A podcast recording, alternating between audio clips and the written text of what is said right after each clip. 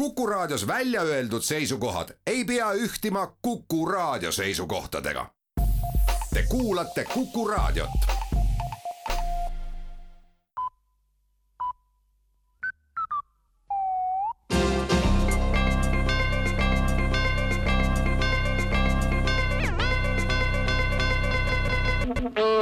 tere kuulajatele, uudised on eetris ja stuudios Rohke Debelak alustame uudistega teaduse vallast. Prantsusmaa president Emmanuel Macron annab teada, et riigi insenerid on valmis saanud reha, mille peale võib astuda sisuliselt lõputu arv kordi. peamiseks uuenduseks on rehavars, mis on tehtud spetsiaalselt pehmest materjalist, nii et reha otsa võib astuda tuhat korda järjest ja tagatud on ikka astuja näo säilimine, millele lisandub pehme rehavarra masseeriva mõju toimel tervislik põsepuna. esmalt saavad uue ja mugava astumisreha kõik Euroopa Liidu poliitikud, kes on varem ühe ühe ja sama reha otsa astumise negatiivseid külge esile toonud.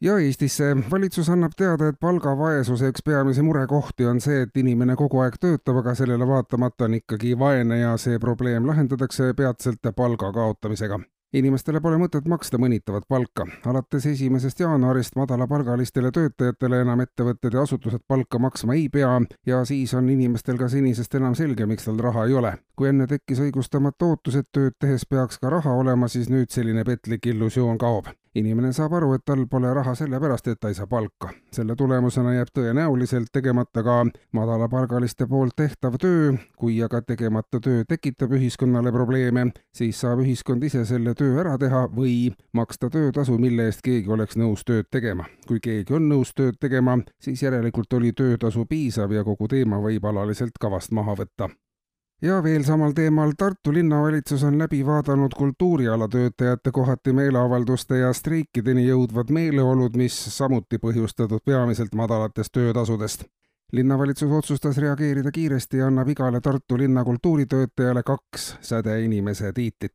see peaks inimestele taas sära silmi tooma kui meetmest jääb väheks, siis on linn nõus andma ka välja leekinimese tiitleid kui kultuuritöötaja on aga omal alal särasilmselt vastu pidanud kolmkümmend aastat, siis saab ta linnalt süsiinimese tiitli, millega linn annab selgelt mõista, et keegi ei saa enam öelda, et terve elu kestnud ennast ohverdav töö ei ole olnud kaaskodanike silmis tuhkagi väärt, lisab linnavalitsus abimeetme seletuskirjas ja politseiteateid. kell üheksateist õhtul eile sai Jääsvere politsei prefektuur telefonikõne, milles kohalik algkooli õpetaja Marta andis teada, et tema abikaasa Pavel on alati pärast palgapäeva nagu teine inimene. operatiivtöötajad selgitasid juurdluse teel välja, et tegemist ongi teise inimesega. Marta juures käib iga kuu neljandal kuupäeval Paveli töökaaslane Margus ja on seal seni, kuni Pavelil raha otsa saab ja too koju tagasi tuleb. Marta ja teine inimene saavad koos olla veel kuni viieteistkümnenda detsembrini.